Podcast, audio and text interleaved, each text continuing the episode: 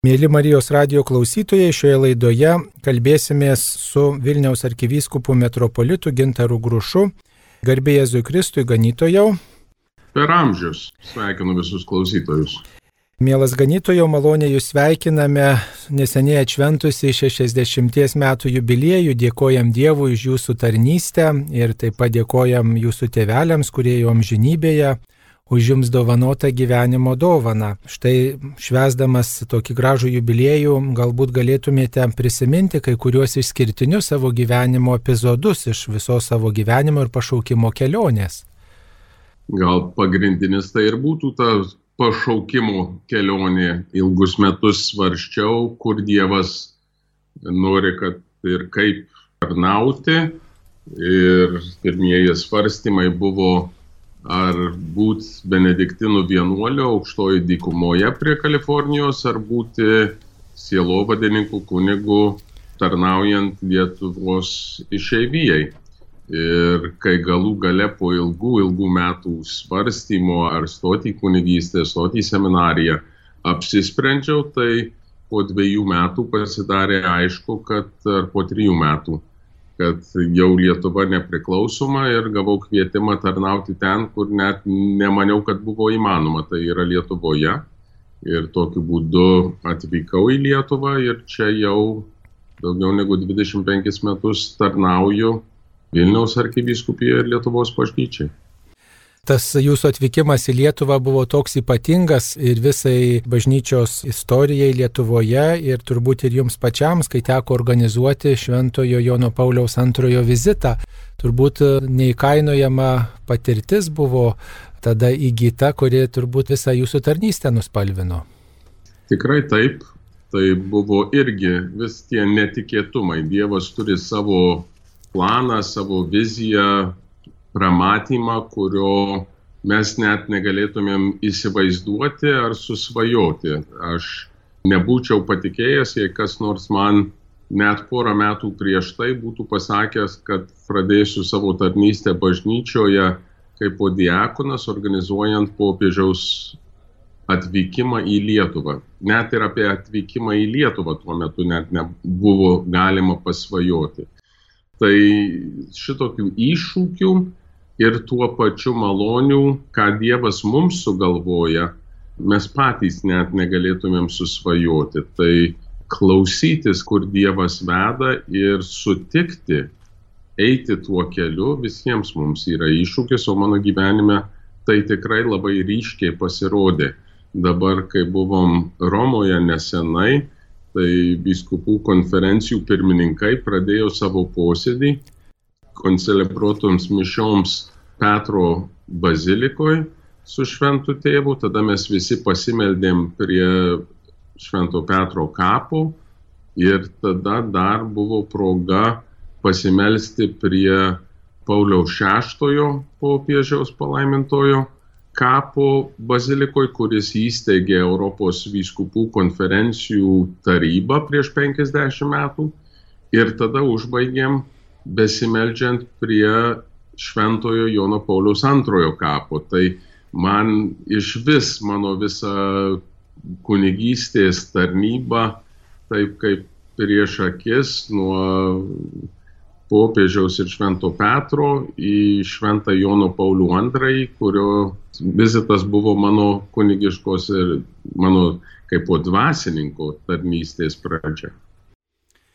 Štai minėjote apie viskupų tą susirinkimą, apie visku, Europos viskupų konferencijų tarybos susirinkimą ir buvote išrinktas e, štai Europos viskupų konferencijų tarybos pirmininku.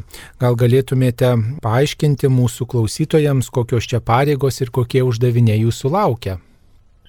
Europos viskupų konferencijos taryba yra vienijantis, koordinuojantis vienetas visų vyskupų konferencijų Europos žemynė. Ir tai reiškia plačiaja prasme.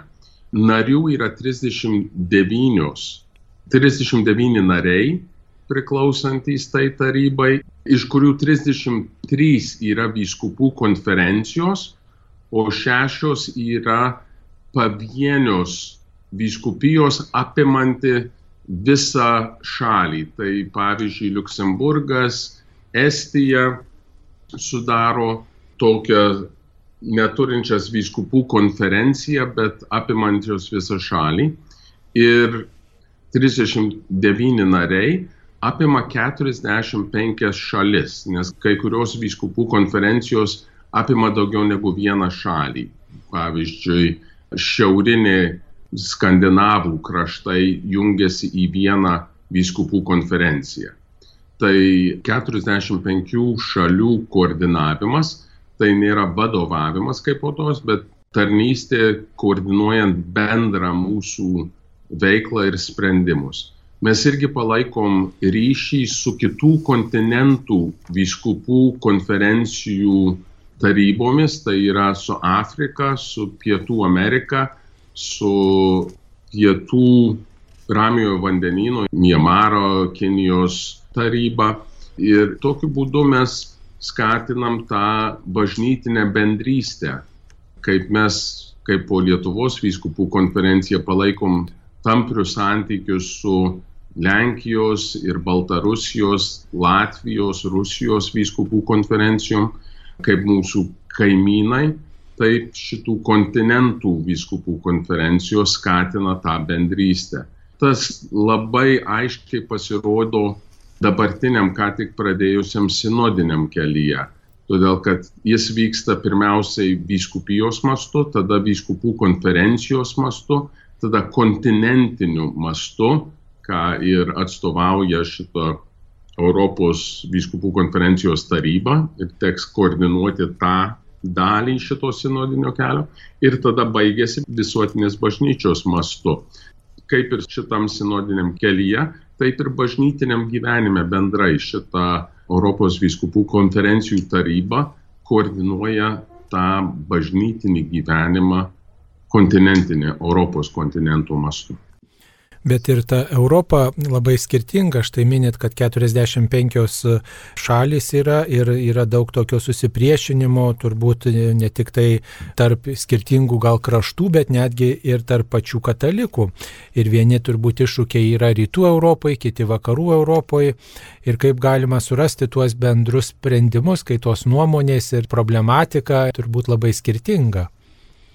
Manau, kad nereikia net žiūrėti į kontinentinį lygmenį. Man atrodo, mūsų šalyje, Lietuvoje, yra labai daug išskirtinių nuomonių pačioje bažnyčioje ir mūsų kiekvienoje viskupijoje atsiranda įvairiai mąstančių tikinčiųjų.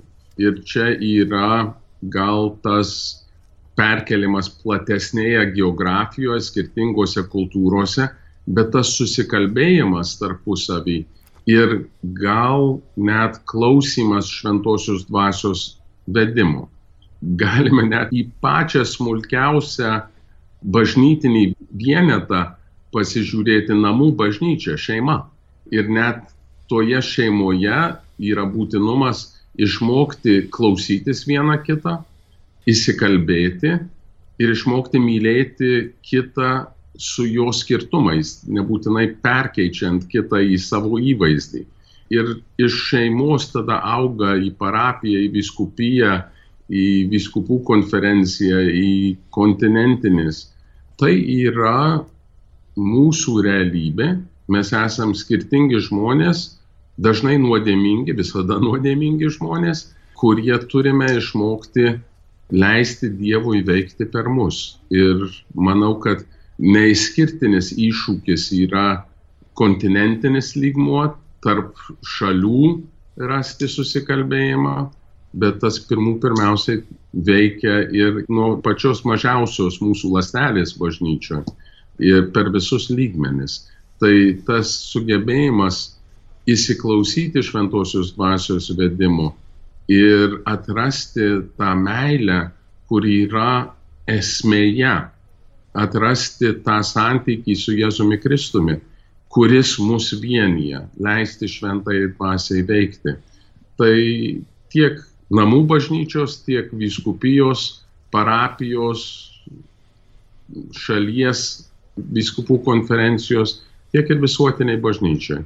Manau, kad popiežius irgi turi aplink save įvairiausių nuomonių ir mes tą skaitom dažnai spaudoje ir siekis likti ištikimiems viešpaties pašaukimui ir leisti, kas be ko tai reikalauja visai nemažai maldos ir sugebėjimas leisti Dievui mums vadovauti, o ne bandyti kurti savo planus. Labai svarbu kiek Europos viskupų taryba ir visi jos nariai ir vadovai gali prisidėti prie krikščioniškos Europos tapatybės atnaujinimo. Turbūt visų katalikų toks lūkestis, kad Europa grįžtų prie savo krikščioniškų šaknų ir nesibodėtų to krikščioniško paveldo, kuris vakarų Europą ir bendrai Europą daro tokia išskirtinė arba žinoma visame pasaulyje kas be ko mes ir šitam plenariniam posėdį šią temą diskutavom, ką mes galim padaryti, kad padėti Europai atrasti savo tapatybę ir grįžti prie savo šaknų. Tas atsinaujinimas taip, jis vyksta ir europiniam lygmenyje, bet tikra kova ar mūšis vyksta kiekvieno asmens širdyje, gyvenime ir tuo pačiu vietinės bažnyčios lygmenyje ar šalies bažnyčios. Ir tai reikalauja daug maldos, daug atsivertimo, yra įtaka visuomenės, kur dažnai neigiamai mūsų tikėjimo gyvenimą paveikia ir gan subtiliai.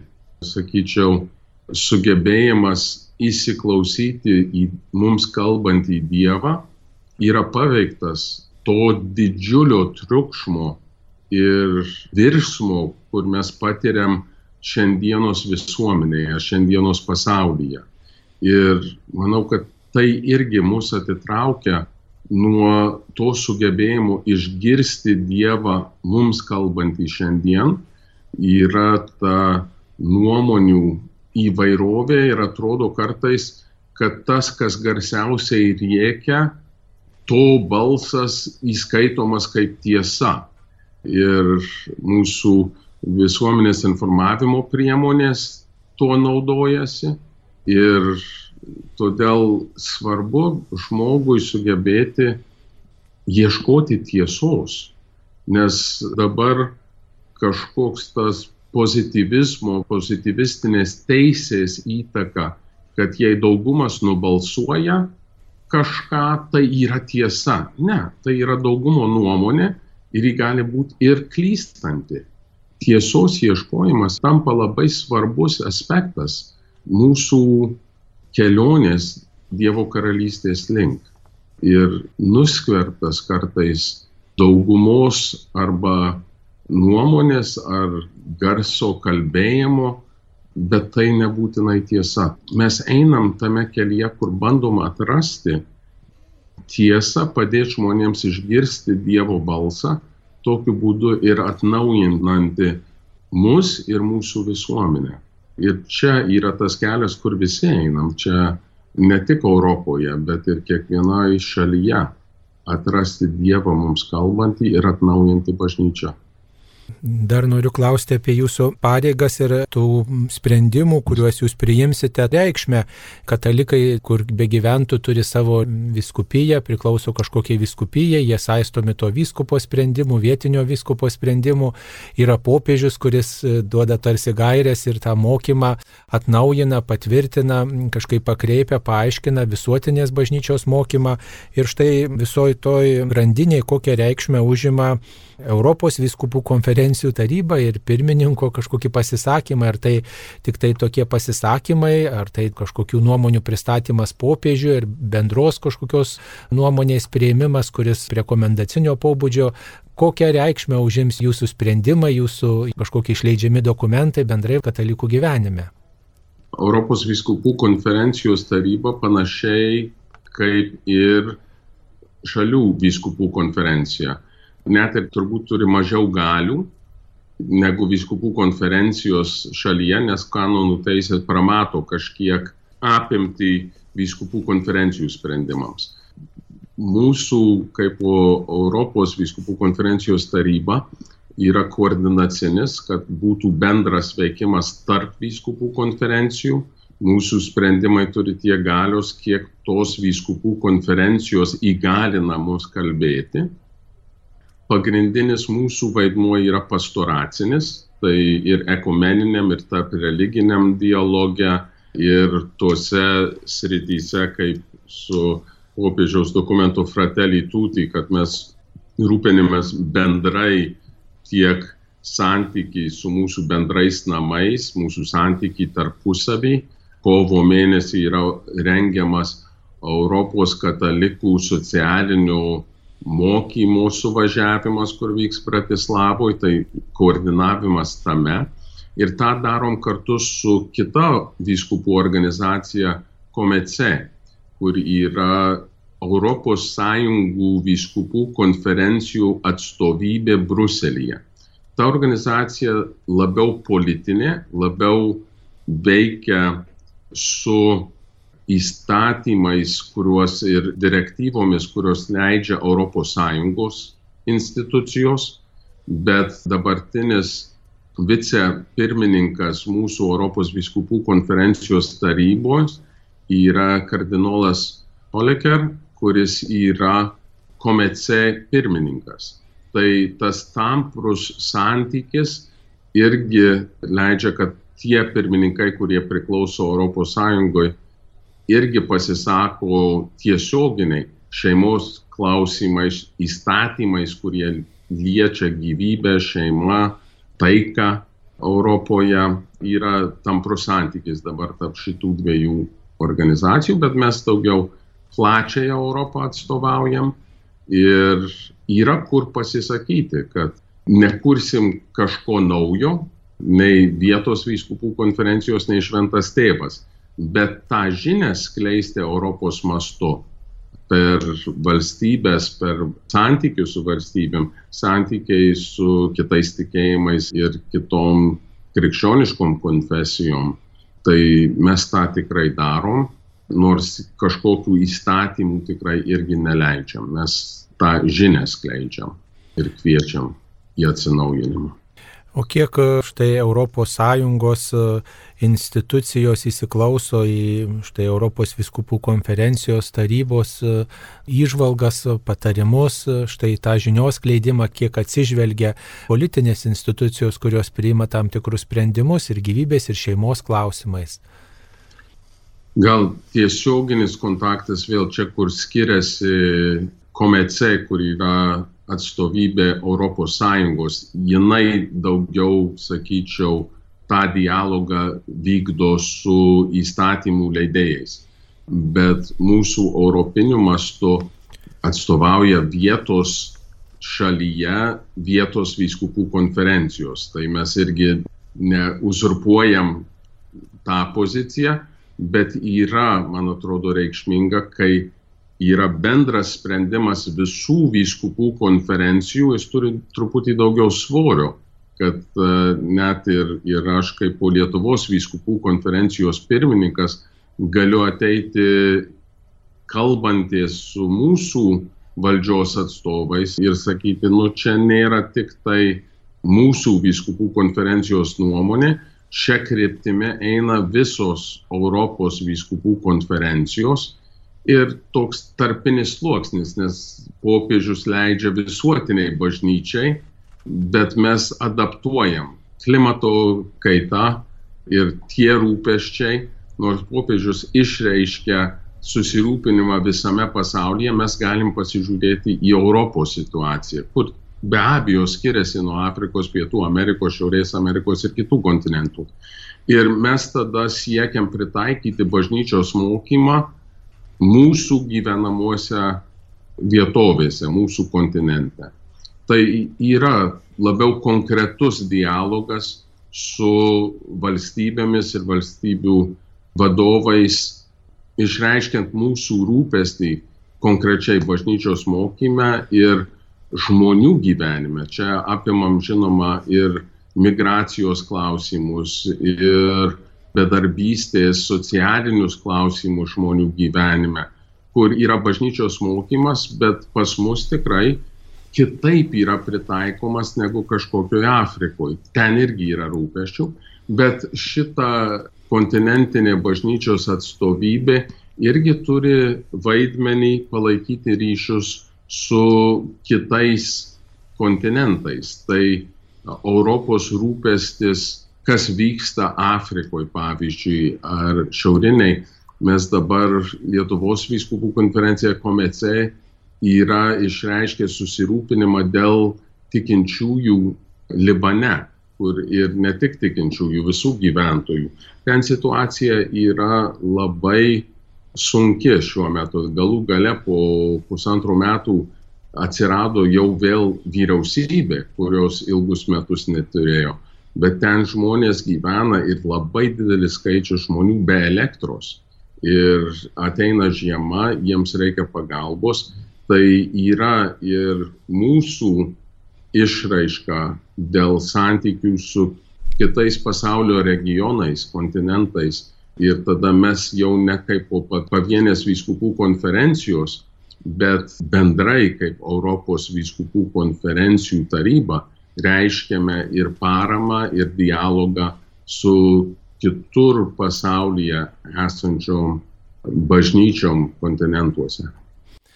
Bažnyčios istorija tiesiog toks išskirtinis įvykis, kad štai lietuvis užima tokias pareigas Europos viskupų konferencijų taryboje, tapo tarybos pirmininku. Kaip apskritai tos pareigos, kurių vis įvairiausių gaunate per gyvenimą, tos atsakomybės veikia jūsų santykiai su Dievu, su kitais žmonėmis, dabar būsite dar labiau užimtas, turbūt galėsit dar mažiau laiko skirti Vilniaus viskupijos reikalams. Čia yra didžiulis iššūkis, taip laikaisi ir bandai suprasti, kur Dievas veda, kokias pareigas duoda ir kur nori, kad tarnautum.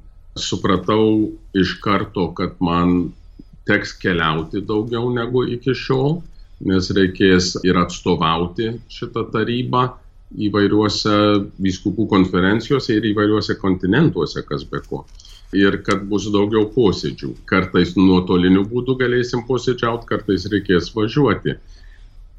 Bet tai aš priimu kaip po Dievo plano realizaciją, kaip Marija, kai sutiko priimti angelo apreiškimą, kad jinai bus Dievo motina ir kai jinai atsakė taip, tikrai nesivaizdavo ta jauna mergaitė, ką tai iš tikrųjų apima. Ir kažkiek tokioj būsenoj ir aš jaučiuosi kiekvieną kartą, kai man duotos naujos pareigos, sutinki ir pasitikė šventosios dvasios vedimu, nes tikrai nesuvoki, ką visa tai apims ir su tuo pasitikėjimu einam pirmin.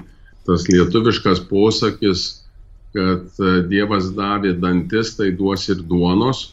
Tai ir šiuo atžvilgiu pasitikit Dievu, kad duos tų galimybių.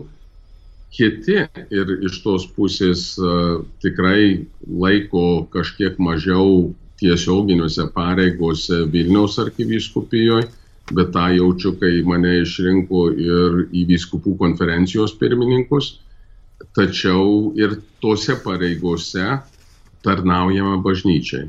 Tai čia priimu kaip po tarnystę bažnyčioje ir pasitikiu Dievu, kad Jis leis įvykdyti ir išpildyti tas tarnystės, kurias Jis man yra skyręs.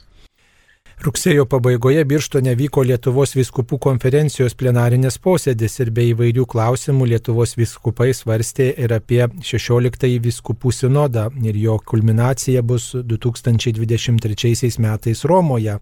Tačiau jau sinodui pradedama ruoštis jau ir dabar.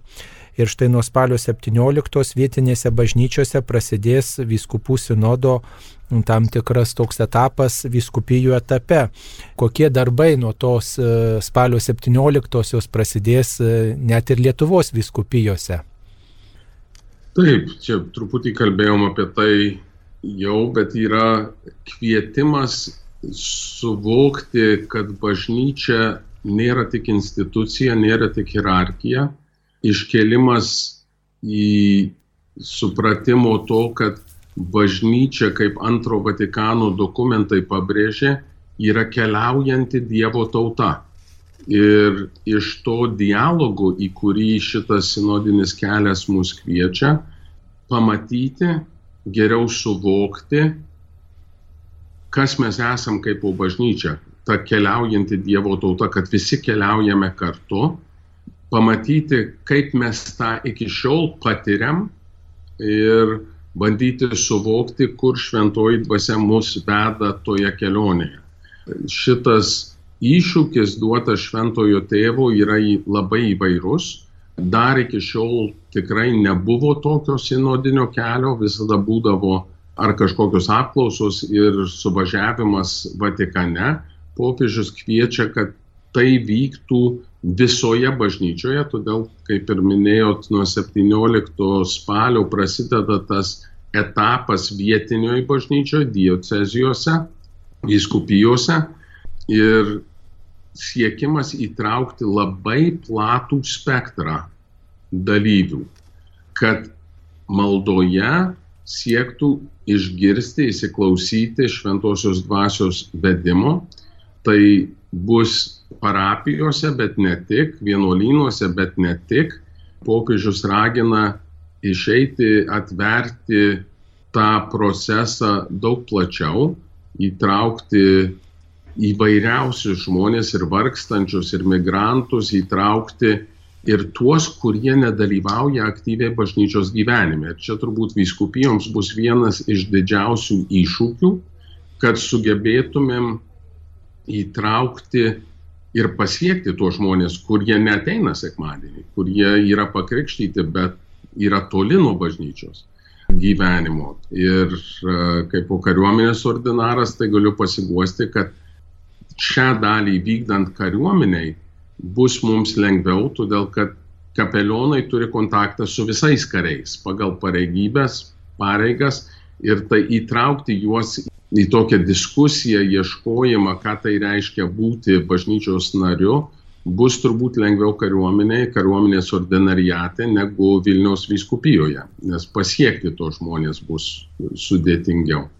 Bet bus procesas, reikės parengti tuos žmonės, kur praves šitas diskusijas, maldas, susitikimus, animatorius, sakykime, kurie sugebės pasiekti tuos žmonės. Yra numatyta, kad tai ne tik kažkoks parlamentarinis ar demokratinė procedūra, kas garsiau kalbės ar daugiau balsuos, balsų surinks, bet paieška šventosios dvasios vedimo. Ir tikslas šito proceso nėra tik tai parengti dokumentus, kaip kartais atrodo, kad sinodai siekia kažkokį dokumentą, nubalsuojam ir taip yra. Iš visų šitų susitikimų, kurios vyks vyskupijose, bus suvestinės ir tada vyskupijos mastu reikės parengti apžvalgą ar išvadas geriau sakant, net žvilgsnius, nes tikrai nesuvestinė, kuri negali būti daugiau negu 10 puslapių ilgumo. Tai apklausus tūkstančių žmonių, suvesti viską į 10 puslapių ir ten pabrėžta, kad tai nėra tik tai tie dalykai, kur visur buvo kartojami, ar daugumą surinko nuomonių, bet kažkokių išvalgų, kur suvestinę rengiantis supranta, kad tai šventosios dvasios kažkokia išvalga. Ir tada iš vyskupijų pereis į vyskupų konferencijos lygmenį.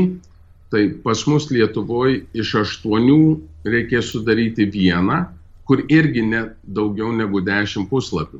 Bet jei pagalvojam apie Vokietiją ar Braziliją, kur yra šimtai vyskupijų, ir tą suvestinę suglaust iki dešimt puslapių bus tikrai iššūkis.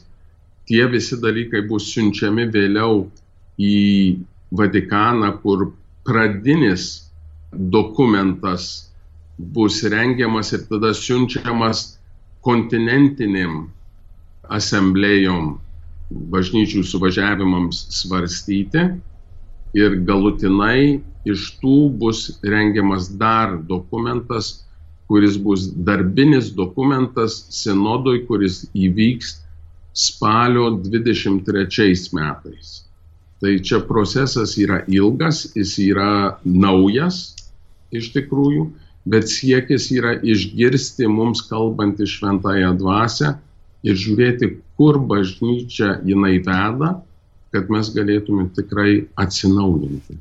Štai kai pasisako daugybė žmonių, ypač socialiniuose tinkluose, arba vyksta diskusijos e, įvairiuose žiniasklaidos priemonėse, arba tarp katalikų gyvai, matom, kaip kyla toks susipriešinimas, nes vieni mano vienaip, kiti kitaip, ir vieni įrodinėja savo tiesą, kiti savo tiesą. Tai matydami tą štai kylantį tokį įvairių diskusijų, tokį vajų, galima pasakyti, kad ir sinodo kelią pasirinkus galimi įvairūs nukrypimai ir pagundos. Galbūt galima kai kuriems tokiems nukrypimams užbėgti už akių iš anksto ir galbūt na, priimti tam tikrus sprendimus arba kažkaip padėti susigaudyti šitam procese, kuris toks unikalus bažnyčios istorijoje. Nu, čia ir, ir didysis iššūkis bus mūsų kelyje siekiant paaiškinti ir ten pačiame parengimo dokumente, vadiname vadomekume, e, įvardyja visą eilę tokių pagundų, kurias reikia išvengti. Tai dalis proceso bus pristatant šitas pagundas, padėti žmonėms suprasti, kad ne tam skirtas šitas kelias. Ir tos pagundos tokios įdomios. Pagunda vesti save, o neleis Dievui mus vesti. Tai supras, kad čia ne mano projektas, kurį aš turiu prastumti. Pagunda skirti dėmesį savo ir savo artimiausiems poreikiams. Tai čia ne apie mane eina šitas procesas. Pagunda matyti tik tai problemas. Ir čia irgi mes turim tą tendenciją žiūrėti, kaip bažnyčia dabar yra ir kur visos problemos, bet ne tas tikslas.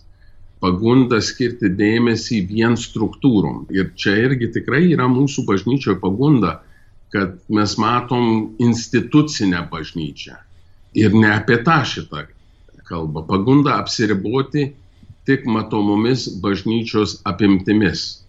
Nu, tą, ką mes iki šiol darom, mes darom toliau, sakramentai, liturgija, viskas kaip ir žinom, ką reikia daryti, o, o popiežius čia mus kviečia leisti dvasiai vesti ten, kur mes galvojom, kad nu, nedalis to, ką mes turėtumėm daryti pagunda nukrypti nuo sinodinio proceso tikslų. Ta galimybė kalbėti, įsikalbėti, įsiklausyti dar labiau. Pagunda skirti dėmesį konfliktams ir į tai, kas skiria mus. Ne apie tą, jei ieškom bendrystės, tai ne tik konfliktai yra, yra ir Dievo malonė, Dievo meilė. Kita pagunda tai matyti sinodą kaip po parlamentą kas daugiau balsų surinks, to yra tiesa. Ir mes žinom, kad tiesa nepriklauso nuo nuomonių. Mes tą matom bažnyčios gyvenime, dvasiniam gyvenime. Gali labai daug žmonių suklysti pagundose ir nuodėmingam gyvenime. Tai ne, nepadaro tą tiesą. Tai padaro, kad mes visi esame nusidėliai. Ir pagunda klausytis tų, kurie yra aktyvūs bažnyčios gyvenime. Tie, kur verda toj košiai, atrodo, kad jie turi kažkokią tiesą arba jiems labiausiai rūpi. Ir popiežius sako, ne, bažnyčia yra plačiau negu tik tai aktyvūs katalikai. Bažnyčia apima tuos, kurie dėl įvairių priežasčių aktyviai nedalyvauja. Gal todėl, kad yra antroji ar trečioji santokoje Gal todėl, kad jie tikrai atitolia nuo Dievo, bet bažnyčia juos neapleidžia. Ir bažnyčia esame mes visi keliaujanti Dievo karalystės link.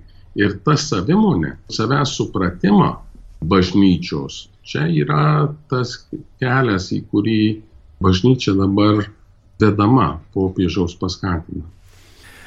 Tai tas sinodas turbūt bus proga paskatinti bažnyčios bendrystę, tačiau kaip e, štai pasiekti tuos toliau esančius žmonės, kaip apskritai paskatinti tokį aktyvesnį e, nutolusių katalikų dalyvavimą bažnyčios gyvenime ir apskritai, kad krikščionys taptų tokie samoningesni. Čia ir, kaip ir minėjau, tikrai iššūkis šito sinodo rasti tuos kelius. Bet pirmas žingsnis yra ir įvardyti, kad jie mums rūpi Mes kartais gyvenam savo sultyse tiek, kad jau rūpinamės tik apie tuos, kurie sekmadienį ateina į bažnyčią. Ir mūsų planai, mūsų pastoracija, mūsų visas gyvenimas į juos taikoma. O kaip mes pasiekiam tuos, kurie neteina. Ir tik keliant klausimą, mes jau atveriam duris, kad mums apie tai irgi reikia galvoti. Mes kalbam apie evangelizaciją, bet mūsų didelė dalis planų, veiklų sukasi apie tuos, kurie jau yra su mumis. Ir popiežius sako, tai yra patogu. Tai mes žinom, ką mes turim daryti, su kuo mes turim užsijimti. Išeiti į universitetus ir kalbėti su jaunimu, kuris nebūtinai dalyvauja bažnyčios gyvenime bet skelbti jiems Kristų. Tai grįžtam į pirmuosius amžius, kai krikščionys nebuvo dauguma, kai iš tikrųjų buvo persekiojama mažuma, bet nebijojo eiti ir skelbti tą patirtį, kurią turi. Ir paskatinimas šito sinodinio kelio yra ieškoti tų galimybių kalbėtis, patirti, dalintis su tais žmonėmis.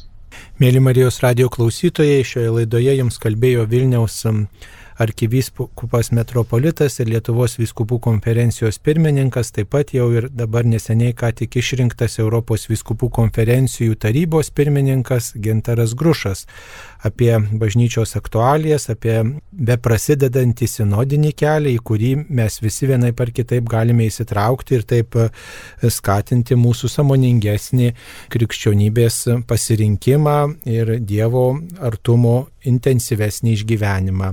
Arkivyskupą Gintarą Grušą kalbino aš kunigas Saulis Bužauskas. Ačiū, sudie.